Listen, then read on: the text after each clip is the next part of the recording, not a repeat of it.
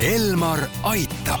Elmar aitab saate toob teieni pereoptika, kogu pere prillipood tere, head kuulajad, eetris on Elmar Aitab ja me räägime täna müoopiast. mina olen Ingela Virkus ja koos minuga on stuudios pereoptika juhatuse esimees Jaan Põrk. tere! pereoptika optometrist Laura Tõnov. tere! ning Essilori prilliklaaside tootespetsialist Margo Tinna. tere! mis see müoopia siis täpsemalt on, mida see tähendab? Müoopia on refraktsiooni viga, mille puhul inimene ei näe teravalt kaugele ja sel puhul siis on inimesel vaja miinusprilli. aga see on peamiselt siiski ikkagi laste probleem, ma saan aru? Äh, lühinägevus tegelikult äh, tekib äh, lapsepõlves. aga kui ta juba lapsepõlves on tekkinud, siis ta läheb ikkagi täiskasvanu eas edasi.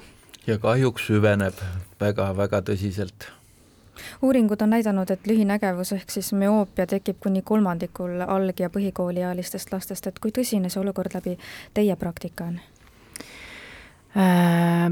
Nii tegelikult ongi, et äh, kusagil kolmandikul äh, lastest see miinusprilli vajadus tekib ja tegelikult on niimoodi, et tavaline müoopia iseenesest ohtu meie tervisele ei kujuta.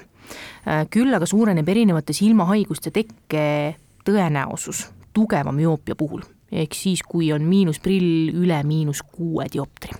mis see tähendab, mis haigusi siis kaasa võib tuua või? näiteks äh, glaukoom, katarakt, erinevad silmapõhjaprobleemid, AMD, retinopaatiad ja nii edasi.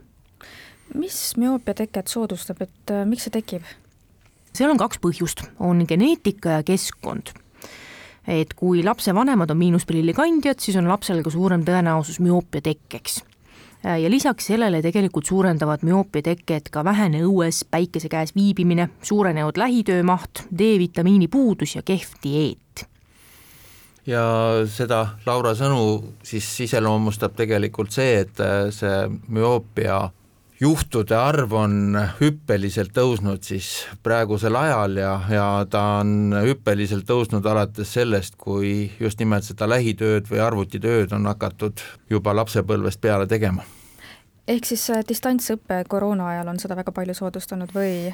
ei, üldse ikka see nii-öelda lähitöö või äh, nii-öelda lühikene vaade, et äh, kõi-, vanasti ju lapsed tegelesid rohkem sellise looduses viibimise ja liikumisega ja kaugele vaatamisega ja see on nüüd ikka üpris lühikese aja jooksul muutunud jah, et, et noh, mõneti on see koroonaperiood olnud ikkagi nagu tõuke sellele, et et kui lapsed ei saa käia ja olla sotsiaalselt, äh, mängida õues ja kõik, siis nad on suletud äh, ruumi vahele, eks ole, ja mis laps teeb, eks ta võtab kõige mugavam asja kätte, mis tal on ja see on noh, mingisugune ekraan, millega saab asju teha ja vot see on nüüd see oht, eks ole, või see koht, kus kohas laps harjub seda kasutama, on kogu aeg lähikontaktis äh, millegagi, mis tema nägemisele tegelikult mõjub negatiivselt, eriti kui ta on kasvueas.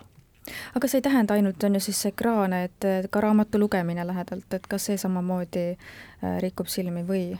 noh, just või see ikkagi on rohkem ikkagi ekraani no,, ekraanidel ekraanil on rohkem neid mõjutegureid, mis seda silma tervist äh, kahjustavad.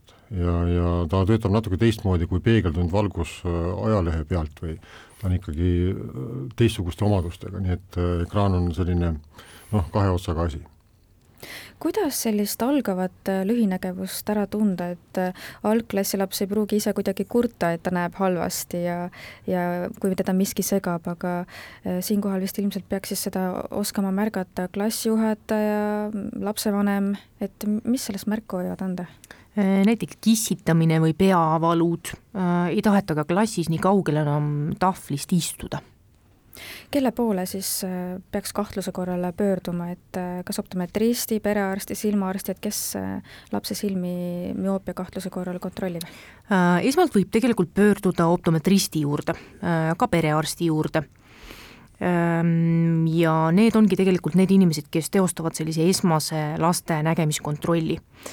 Kui aga on ka prillivajadus, siis saadetakse esimese prilli väljakirjutamiseks ikkagi edasi laps silmaarsti juurde.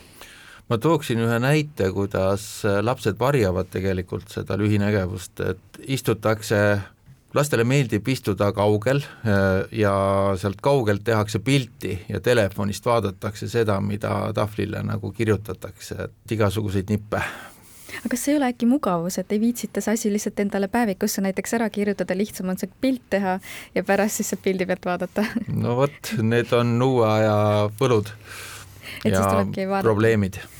vaadata sealjuures seda, et kas on kissitamist näiteks ja mingeid muid kaasavaid probleeme. just nii. me jätkame oma vestlust juba homme kell kaksteist nelikümmend viis. Elmar aitab Elmar aitab saate toob teieni pereoptika, kogu pere prillipood